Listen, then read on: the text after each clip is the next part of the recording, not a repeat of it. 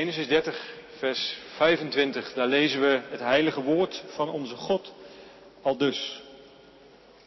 Toen Rachel Jozef ter wereld had gebracht, zei Jacob tegen Laban, ik zou graag vertrekken. Laat mij teruggaan naar het land waar ik vandaan kom. Geef me mijn vrouwen mee voor wie ik bij u heb gewerkt en mijn kinderen. En dan ga ik. U weet hoe hard ik al die tijd voor u heb gewerkt. Laban antwoordde, neem me vooral niet kwalijk. Ik heb uit verschillende tekenen opgemaakt dat de Heer mij omwille van jou heeft gezegend. Stel het loon maar vast dat je van me wilt. Ik geef je wat je vraagt. Hierop zei Jacob, u weet hoe hard ik voor u heb gewerkt en hoe het met uw vee is gegaan sinds ik het verzorg. Uit het weinige vee dat u voor mijn komst had is een enorme kudde gegroeid. De Heer heeft u sinds mijn komst inderdaad gezegend.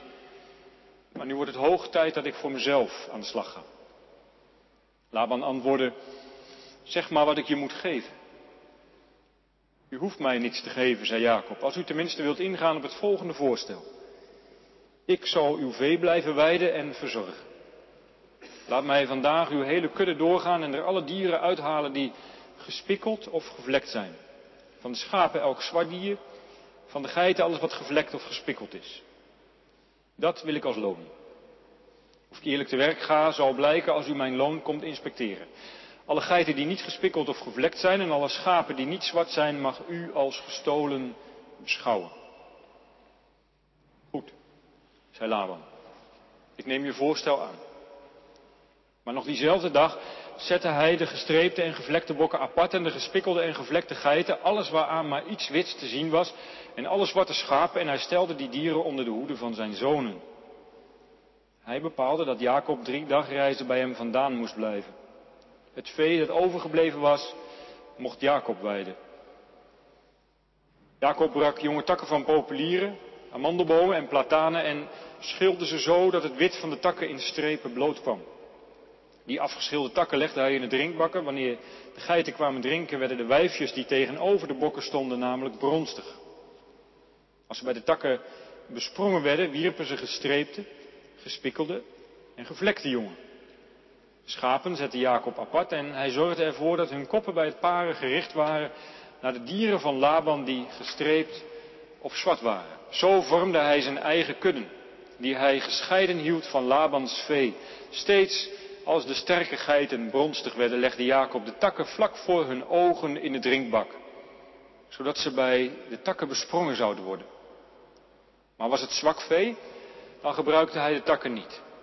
Zo kreeg Laban de zwakke dieren en Jacob de sterke. Jacobs bezit werd groter en groter. Hij kreeg niet alleen veel schapen en geiten, maar ook slaven en slavinnen, kamelen en ezels. Tot zover het evangelie voor deze morgen. Gemeente van Christus, de afgelopen weken waren voor mij enigszins saai, want het Engelse parlement was met reces. En, en als je eh, preken zit te maken, dan, dan wil, wil, dat niet altijd gelijk gaan. En afgelopen half jaar was dat altijd fascinerend, want als je dan even afleiding zocht, dan keek je gewoon naar het live kanaal van het Engelse parlement. En je was het komende half uur wel onder de pannen. Want het fascinerende van wat daar gebeurde is dat als er klimaattafels zijn of andere toppen, dan, eh, dan moet je uit de krant horen dat er van alles zich afspeelt. Maar uiteindelijk kregen wij gewone stervelingen een soort wollig eindakkoord waarvan je denkt, ja, is dit nou het vuurwerk wat zich heeft afgespeeld? Maar, maar als we dan op dit moment kijken naar Engeland, dan, dan ligt heel dat gebeuren in, in al zijn keurigheid en netheid wel op straat. Wordt premier May door haar eigen partijleden op een eh, hoffelijke manier gewoon een mes in haar rug gestoken en steekt zij weer terug. Fascinerend. Maar tegelijk ook wel eng. Een paar weken geleden was ik in Londen en ik stond een overhemd af te rekenen. En die man achter die kassa, die, eh, ik, ik vroeg het, wat, wat vind je daar nou van? Eh, die vond dat soort hoogtepunt van de democratie. Dat mensen dat allemaal konden zeggen, konden doen. Nou, misschien is het dat ook, maar tegelijk heb ik het gevoel dat dat, dat hele land ook eh, een kant op gaat. waar we de uitkomst niet van weten. Fascinerend en eng tegelijk. In Genesis 30 ehm, is de Bijbel ook niet zo heel erg stiekem over wat er tussen mensen gebeurt. We vinden in dit hoofdstuk een gesprek tussen Jacob en Laban. Laban is zowel de oom als de schoonvader van Jacob. En ehm, dat hoofdstuk, wat het gedeelte dat we hebben gelezen, is in tweeën verdeeld. Eerst krijg je het gesprek en dan krijg je de consequenties. Het is een keurig net gesprek. Maar als we gaan proeven, en ik wilde maar gewoon dat hoofdstuk um, vers voor vers met u doorlezen, dan, dan voel je hoe fascinerend het is. En, en volgens mij is het een fascinatie omdat wij dit gesprek, ook al heeft het heel lang geleden plaatsgevonden, regelmatig nog voeren op ons werk, in ons huwelijk of, of waar dan ook. Het is fascinerend, maar het is ook diep beklemmend. En je vraagt je af welke kant moet dat op? Zo willen we dit gedeelte lezen op deze bevrijdingsdag. De kinderen zeiden denk ik terecht, waar komt oorlog vandaan? Omdat mensen het met elkaar niet kunnen vinden. In gesprekken gaat het heel vaak mis. En hier vinden we daar een heel groot voorbeeld van. Genesis 30, vers 25. Toen Rachel Jozef ter wereld had gebracht, zei Jacob tegen Laban, ik zou graag vertrekken, laat mij teruggaan naar het land waar ik vandaan kom, geef mijn vrouwen mee, voor wie ik bij u heb gewerkt en mijn kinderen, en dan ga ik. U weet hoe hard ik al die tijd voor u heb gewerkt. Jacob is gevlucht uit zijn ouderlijk huis, heeft duizend kilometer door de woestijn gelopen en is uiteindelijk bij zijn oom Laban terechtgekomen. Is daar nu eh, veertien jaar, dik veertien jaar waarschijnlijk, heeft de twee dochters van zijn oom getrouwd en zo is hij ook de schoonzoon van zijn oom geworden. En nu vindt hij het wel mooi. Als je dat leest, dan, dan zie je hoe anders die tijd is dan de onze. Want eh, hij kan dus niet maar zo zeggen, eh, Laban, beste schoonpapa, ik eh, ga weer terug naar mijn moeder. Eh, kunnen we even misschien dingen regelen en dan ga ik volgende week. Nee, de patriarch van de familie is Laban en Jacob is het bezit van zijn schoonvader. Ik zou graag vertrekken. Laat mij teruggaan. Jacob is een volwassen vent, maar hij moet toestemming vragen aan zijn schoonvader om te mogen vertrekken. En dat moet hij niet alleen voor zichzelf vragen, dat moet hij ook vragen voor de rest van de familie. Geef me mijn vrouwen mee. Dus hij zou toestemming kunnen krijgen voor zichzelf blijkbaar, maar niet voor zijn vrouwen. Geef me mijn vrouwen mee voor wie ik bij u gewerkt heb en mijn kinderen en dan ga ik. Dus ook voor zijn vrouwen en voor de kinderen wil hij toestemming hebben van de patriarch van de familie. We duiken dus in een compleet andere werkelijkheid. Alhoewel misschien ook weer niet zo heel erg. Want misschien zijn er ook onder ons die bij een hele hoop keuzes die ze maken, juist op belangrijke momenten, als het gaat over je studie, partnerkeuze, kerkkeuze, toch elke keer de blik van hun vader, hun moeder, of je schoonvader of je schoonmoeder over je schouder mee voelen kijken. Laat mij gaan. Waar zitten wij allemaal niet aan vast?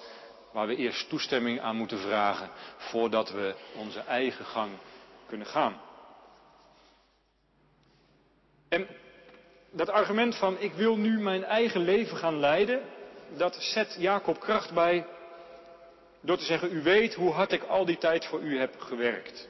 Ik heb het ook wel verdiend. Het mag ook wel. En dan komt Laban. Laban antwoordde, neem me vooral niet kwalijk. Ik heb uit verschillende tekenen opgemaakt dat de Heer mij omwille van jou heeft gezegend.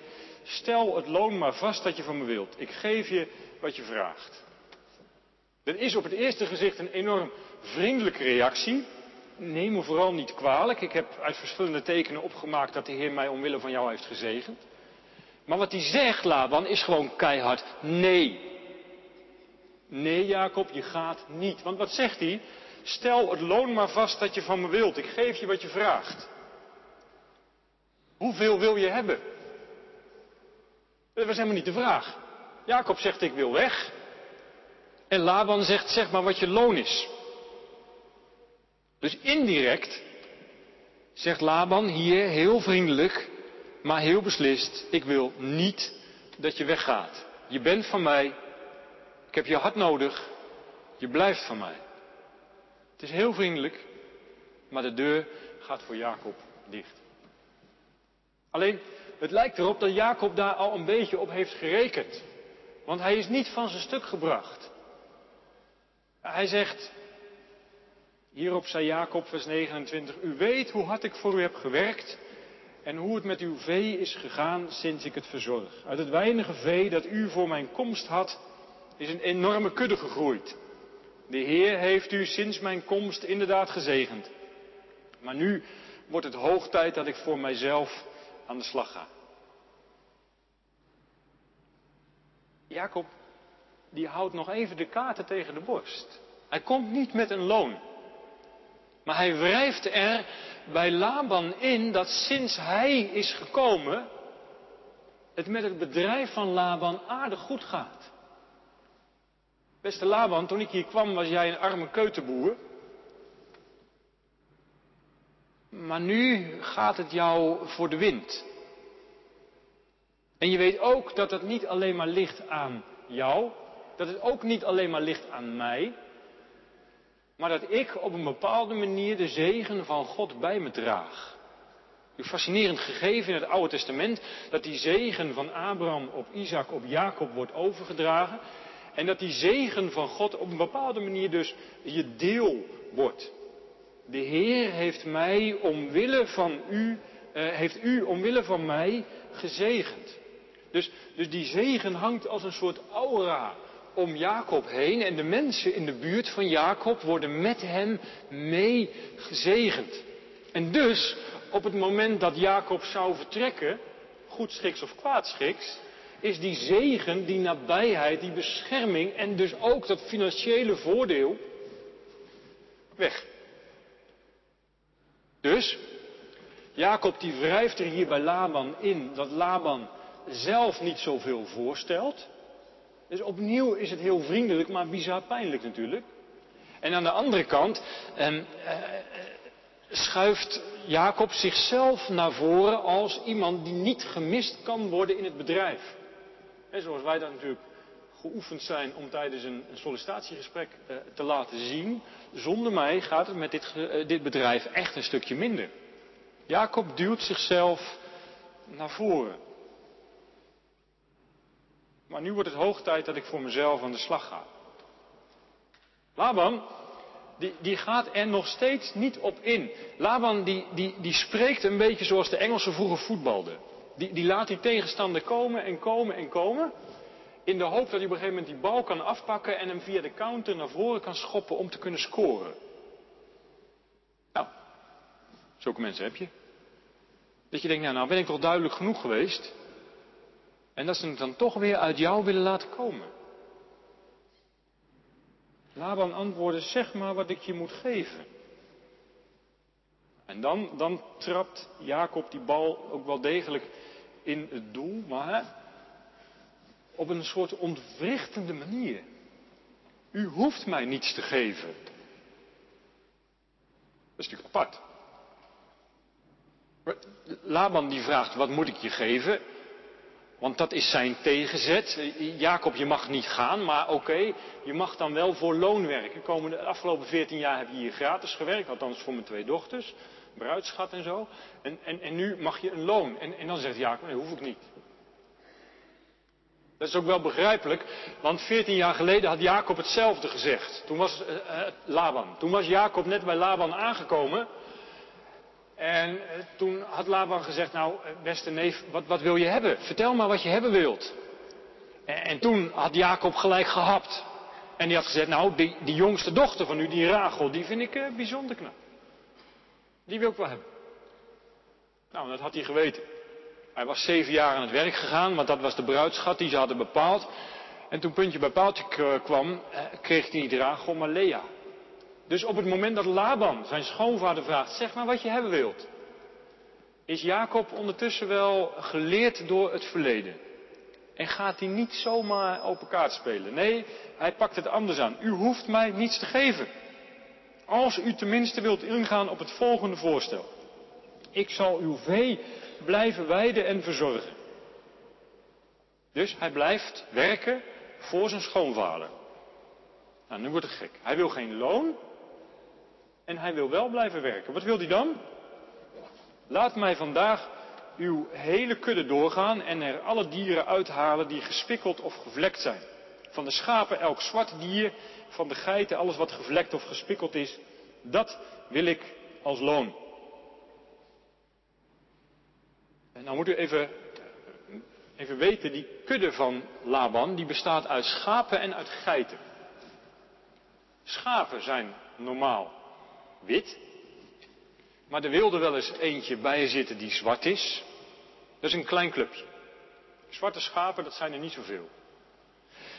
Bij de geit is het andersom. Een geit is zwart of donkerbruin. En daar wilde wel eens eentje bij zitten met, met spikkeltjes, witte spikkeltjes of zo'n zo'n witte baan over zijn, zijn nek of zo. Maar dat zijn er ook niet zoveel. En nou zegt Jacob, eh, Laban, eh, dit is je kudde, vooral witte schapen en, en zwarte geiten. En nou wil ik dat we daar doorheen gaan. En dat we daar de zwarte schapen uithalen en de gevlekte geiten. En dat is dan voor mij. Dat is een apart voorstel, want dat is een heel klein deel van de kudde. Dus qua loon, zal ik maar zeggen, zet Laban heel laag in. En hij beseft dus wel, eh, het zou zomaar kunnen dat Laban een addertje onder het gras proeft. Of ik eerlijk te werk ga, zal blijken als u mijn loon komt inspecteren. Alle geiten die niet gespikkeld of gevlekt zijn en alle schapen die niet zwart zijn, mag u als gestolen beschouwen. Je, je komt maar gewoon kijken. Je komt maar gewoon kijken of ik het eerlijk doe. Ja, en dat voorstel, dat kan Laban niet weigeren. Dus dan hapt hij meteen. Goed, zei Laban. Ik neem je voorstel aan. Einde van het gesprek. Wat is er nou gebeurd? Nou, ze hebben een deal gesloten. Jacob blijft voor Laban werken en als loon krijgt hij een heel klein stukje van de kudde, namelijk de zwarte schapen en de gevlektigheid. Alleen, die deal, die is tot stand gekomen op een manier Herkent u dat misschien? Waarbij aan de buitenkant alles vriendelijk en volgens de regels verliep. Maar waarbij er achter de regels of onder de regels allerlei dingen werden gezegd die enorm veel wantrouwen creëren. Dus onze taal kan heel vriendelijk zijn en tegelijk enorm veel kwaad aanrichten. De afgelopen jaren zijn we natuurlijk bezig geweest met vrijheid van meningsuiting en zo. En, en dan, dan, dan, zeggen we wel eens van, ja, doordat we te veel op die vrijheid van meningsuiting gaan zitten, is nu het, het politieke debat, of elk openbaar debat, is, is verhard. En we moeten terug naar een manier van um, politeness, om het maar op zijn Engels te zeggen, vriendelijkheid. Maar ja, kijk dan weer even naar het Engelse parlement. Um, op een hele vriendelijke manier kun je elkaar ook een mes in de rug steken. En dat is, dat is wat de schrijver van Genesis ons gaat laten zien. Wat onze taal voor consequenties heeft. Want, want de deal is gesloten. En Jacob, Jacob, heeft zelfs nog gezegd, nou ja, als je me, als je me niet vertrouwt, dan, dan kom je gewoon kijken. Maar Laban, die trekt dan alle touwtjes vast. Maar nog diezelfde, maar staat er ook. Maar nog diezelfde dag zette hij, Laban, de gestreepte en gevlekte bokken apart. Dus de patriarch die gaat zich bezighouden met het, met het werk van de gewone man. Hij gaat zelf naar die kudde en hij splitst dus de witte schapen van de zwarte schapen en de bruine geiten van de gevlekte geiten. ik wil het zelf gezien hebben. Waarmee hij dus laat zien dat hij die Jacob voor geen meter vertrouwt. En wat doet hij dan? Um, maar nog diezelfde dag zette hij de gestreepte en gevlekte bokken apart en de gespikkelde en gevlekte geit alles waaraan maar iets wist te zien was, en alle zwarte schapen. En hij stelde die dieren onder de hoede van zijn zonen. Dus hij vertrouwt die kleine kudde met het loon van Jacob, want dat is het. Hij, hij, haalt, hij haalt die zwarte schapen eruit en die gevlekte geiten en die geeft hij aan zijn zonen. Dus het loon van Jacob, dat geeft hij aan zijn zonen. Niet aan de knechten. Hij vertrouwt alleen zijn eigen vlees en bloed. Die moeten voor die beesten zorgen. En Jacob die krijgt dus de hele, de hele rest. Dus die krijgt een enorme puist werk op zijn bord. Want die moet dus al die witte schapen en al die bruine geiten gaan hoeden. En uit het voorstel leek het eigenlijk andersom. Jacob neemt gewoon die geitje. Maar goed, dat is één. Wantrouwen. En dan als klap op de vuurpijl. Eh, hij bepaalde dat Jacob drie dagreizen bij hem vandaan moest blijven. Drie dagreizen. Dat betekent eh, dat iemand er dus drie dagen over moet doen om van de ene kudde bij de andere kudde te komen. Midden in de woestijn. Dat, dat betekent dat Laban Jacob zo weinig vertrouwt dat hij wil dat zijn zonen drie dagen afstand houden tussen die twee kuddes, omdat hij doodsbenauwd is dat Jacob er s'nachts op uittrekt om naar de kudde van Laban te gaan en daar dan van die gespikkelde beesten te gaan halen. Dus opnieuw, er breekt helemaal nog geen oorlog uit. Maar er ontstaat door dat gesprek van Jacob en Laban een diep, diep wantrouwen. Gemeente, als wij op ons werk, in ons huwelijk, in de kerk, elkaar alleen nog maar zien als objecten van onderhandelingen, en elkaar niet meer echt in de ogen kijken, elkaar niet meer als subject kunnen zien, als de ander niet meer een jij is, maar een het, Waar je s'avonds aan tafel vrolijk over kunt spreken omdat je hem of haar iets hebt afgepakt. Of een onderhandeling hebt gewonnen. Dan ontstaat er tussen mensen een afstand zoals hier tussen Jacob en zijn schoonvader Laban. Dat je drie dagreizen bij elkaar vandaan trekt, omdat je de mensen om je heen tot diep in je hart wantrouwt. Je kunt met ze werken Elke dag. Je kunt familie van ze zijn, maar je vertrouwt ze voor geen cent. Dat is de consequentie van hoe Jacob en Laban met elkaar omgaan. Dat is volgens mij wat, wat de Bijbel tekent als de consequentie van hoe mensen met elkaar omgaan. En het vreemde is, Jacob is de kleinzoon van Abraham. God is opnieuw begonnen met deze wereld die zonder hem verder wilde na de toren van Babel die was ingestort, verdwenen de mensen over de wereld en ze moesten het zelf uitzoeken. Maar God is teruggekomen. God heeft Abraham in de ogen gekeken. En God heeft gezegd, Abraham, ik ben jouw God, ik wil voor je zorgen. Ik wil je kinderen geven, een land waar je in rust en vrede kunt leven. Ik vraag van jou één ding, wandel voor mijn aangezicht. Dat is de oproep van God aan zijn verbondskinderen. Wandel voor mijn aangezicht. Zoals een kind speelt op het kleed terwijl vader erbij zit. Wandel voor mijn aangezicht. Kijk mij in de ogen. En kijk daarmee ook mijn mensen, mijn schepselen in de ogen. Die, die, hele eerste helft van de wet die gaat daarover. Dat wij God in de ogen kijken. En die tweede helft van de wet dat we elkaar als schepselen van God in de ogen kijken. Goed. Jacob, die eh, heeft dus een hele grote kudde. En daar haalt hij iets mee uit. Waarvan ik eigenlijk niet goed weet wat het is. Jacob brak jonge takken van populieren, amandelbomen en platanen. En schilde ze zo dat het wit van de takken in strepen bloot kwam te liggen. Die afgeschilde takken legde hij in de drinkbakken. Wanneer de geiten kwamen drinken, werden de wijfjes die tegenover de bokken stonden namelijk bronstig. Als ze bij de takken besprongen werden, wierpen ze gestreepte, gespikkelde en gevlekte jongen. Er zijn tig uitleggen van, en het lijkt er toch het meest op, dat Jacob bijgelovig of in ieder geval een soort toverritueel eh, aan het doen is. Dus hij neemt eh, takken van witte bomen. En, en die, die, die, snijdt hij in, zo, zodat de bast bloot komt te liggen. Dus dan krijg je in die bakken water takken met witte strepen. En daar komen dan die witte schapen, want die had hij gekregen.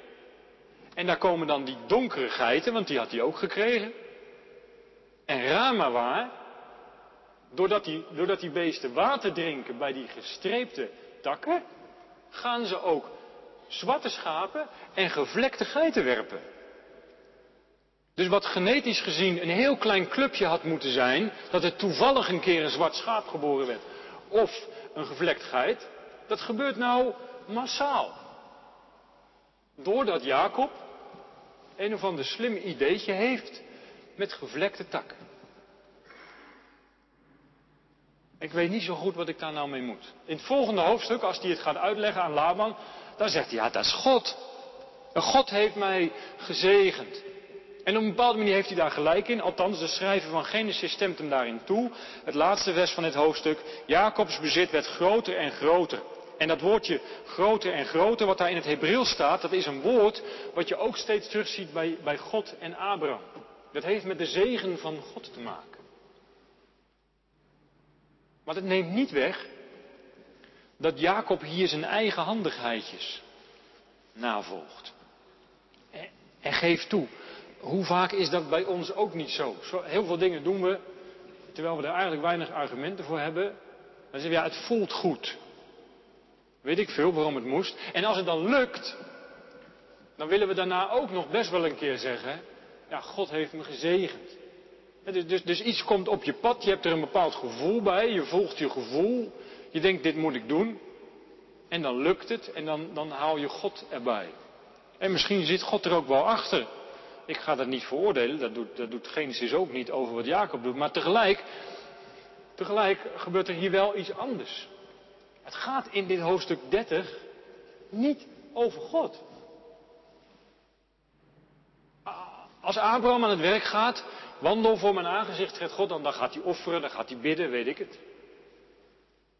En die kleinzoon van Abraham is, is puur seculier. In die zin dat hij God er wel bij wil slepen als het lukt.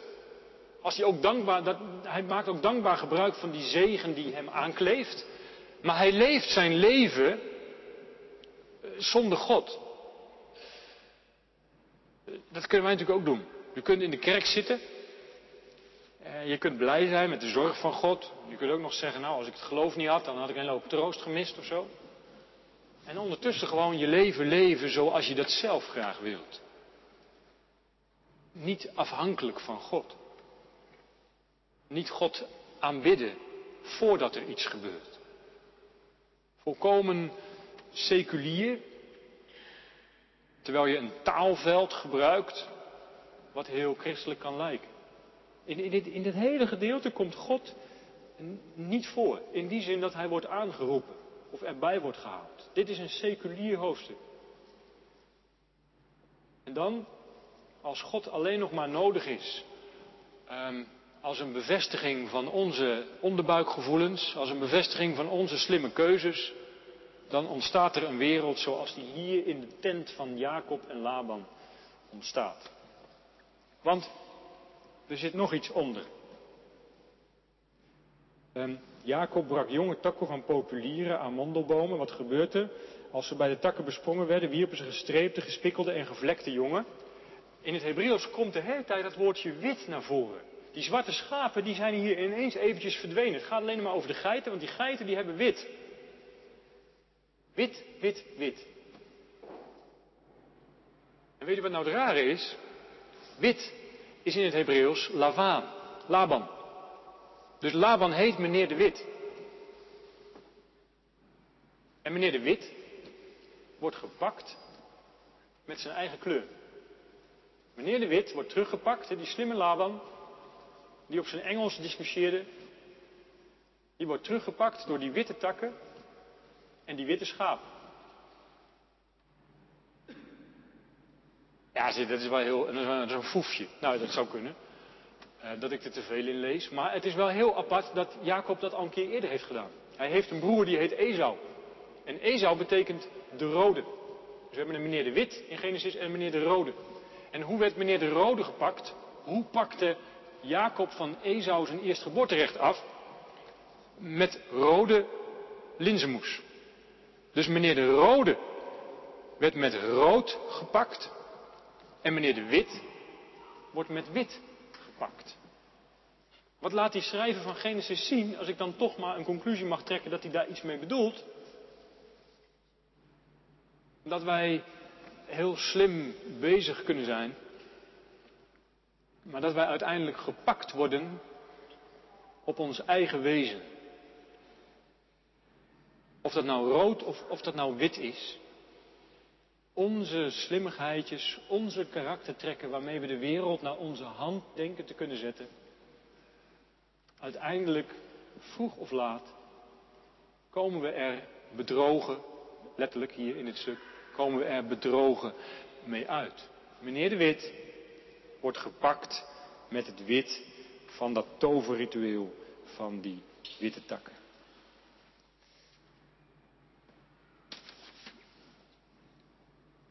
Laban is in het voetspoor van Jacob gezegend.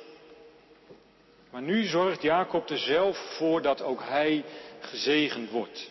Hij werd groter en groter. Het woord van Gods zegen. Uitbreiden, groter worden, rijker worden, meer publiceren, groter wonen, meer volgers, meer vestigingen, meer gemeenteleden, meer diensten. Uitbreiden is ook voor ons een woord dat we met zegen verbinden. Groei noemen we dat dan in economische termen. Maar de vraag van dit hoofdstuk is, hoe komen we aan die groei? Hebben we die groei bij God vandaan gehaald? Of hebben we God alleen maar gebruikt voor ons eigen geestelijke of ongeestelijke bedrijfsplan? De oorspronkelijke hoorders van dit hoofdstuk hebben denk ik moeten lachen. Want Jacob is slim. En Laban is de stamvader van Aram. Een stam waar Israël later nogal wat mee te stellen heeft. Dus moet je je voorstellen, Israël in de koningentijd leest deze geschiedenis, hoort deze geschiedenis, moet ik beter zeggen. Dan moet je lachen. Want dat volk van Aram, waar je elke keer narigheid mee hebt, dat is in het begin door jouw opa Jacob de hak gezet. Laban is de stamvader van Aram en Jacob was hem te slim af. Maar waar woont Aram? Op de Golanhoogte. Een plek die tot op de dag van vandaag gonst van dreiging. En waar het in het verleden van Israël zo vaak is misgegaan. Leedvermaak is dubbel vermaak en het is toch fascinerend hoe de bedrogen bedrieger Laban nu zelf zijn bedrieger de hak zet. Maar ondertussen ontwaakt ook de vraag, hoe lang kan dit elkaar beetnemen nog doorgaan zonder geweld? Deze visueuze cirkel daar op die, op die Golanhoogte. Houdt uit zichzelf nooit op. En dat vind ik het enge. Met het Engelse parlement, het, het is fascinerend, maar het is ook doodeng. En dat is hier ook. Het is fascinerend, althans vind ik, en, u denk ik ook, hoop ik, Misschien ook wel niet. Nou ja, daar moet ik straks maar over hebben. Maar, maar dat je dit terugziet in je eigen leven. Fascinatie van zo'n gesprek. En tegelijk is het doodeng. Want het houdt nergens op. Die cirkel van om elkaar heen draaien. Van het wantrouwen. Van de oorlog. 5 mei. Deze mannen hebben zich totaal geïdentificeerd met hun eigen belang. Hun rancune jegens de ander en hun eigen slimheid. Genesis dat betekent begin. Dit is het boek van het begin. En dat begin is een door en door ego-wereld die aan ons wordt verteld. Zo treft God blijkbaar zijn mensen aan. Want ik denk dat de samenstellers van de Bijbel niet voor niks dit boek aan het begin hebben gezet en het, het boek van het begin hebben genoemd. Dit is hoe wij elkaar aantreffen. Dit is hoe God ons aantreft. Dit is ons hart. Zo treft God ons aan. Het is in deze wereld, met ons soort mensen, dat Jezus geboren wordt. En let dan op hoe hij geboren wordt. Als kind. Jezus doet niet mee aan het spel van Jacob en Laban. Hij doet niet mee aan het spel, aan uw spel, aan mijn spel. Hij sterft eraan. Jezus doet niet mee met onze spelletjes, maar hij sterft eraan. Hij komt Jeruzalem binnen op een ezeltje. Hij zwijgt voor het Sanhedrin en voor Pilatus. Waar hij vals wordt beschuldigd, waar hij ter dood veroordeeld wordt, terwijl hij rechtvaardig is. Hij gaat ten onder. Maar hij ondergaat ook al ons spreken. Hij gaat eraan onderdoor. Dat zijn de feiten. God sterft op Goede Vrijdag aan al onze keurige gesprekken. En de vrouwen gaan met Pasen naar het graf omdat de feiten niet veranderen. Onze gesprekken brengen de dood. Dat zijn de feiten. Maar God, God legt zich niet bij de feiten neer. God legt zich niet bij die visueuze cirkel van Jacob en Laban neer. Hij draagt de dodelijke woorden, onze vervreemding van anderen en het wantrouwen tegenover elkaar. Hij draagt het het graf in en laat het daar achter. God legt zich niet bij de feiten van onze dodelijke woorden neer. Hij draagt ze het graf in en daar blijven ze. Want hij staat op aan Gods kant van de werkelijkheid. Jezus staat op aan Gods hemelse kant. Waar vrede, rechtvaardigheid en heiligheid regeren. En, zegt Paulus, en dat is het evangelie van vanmorgen.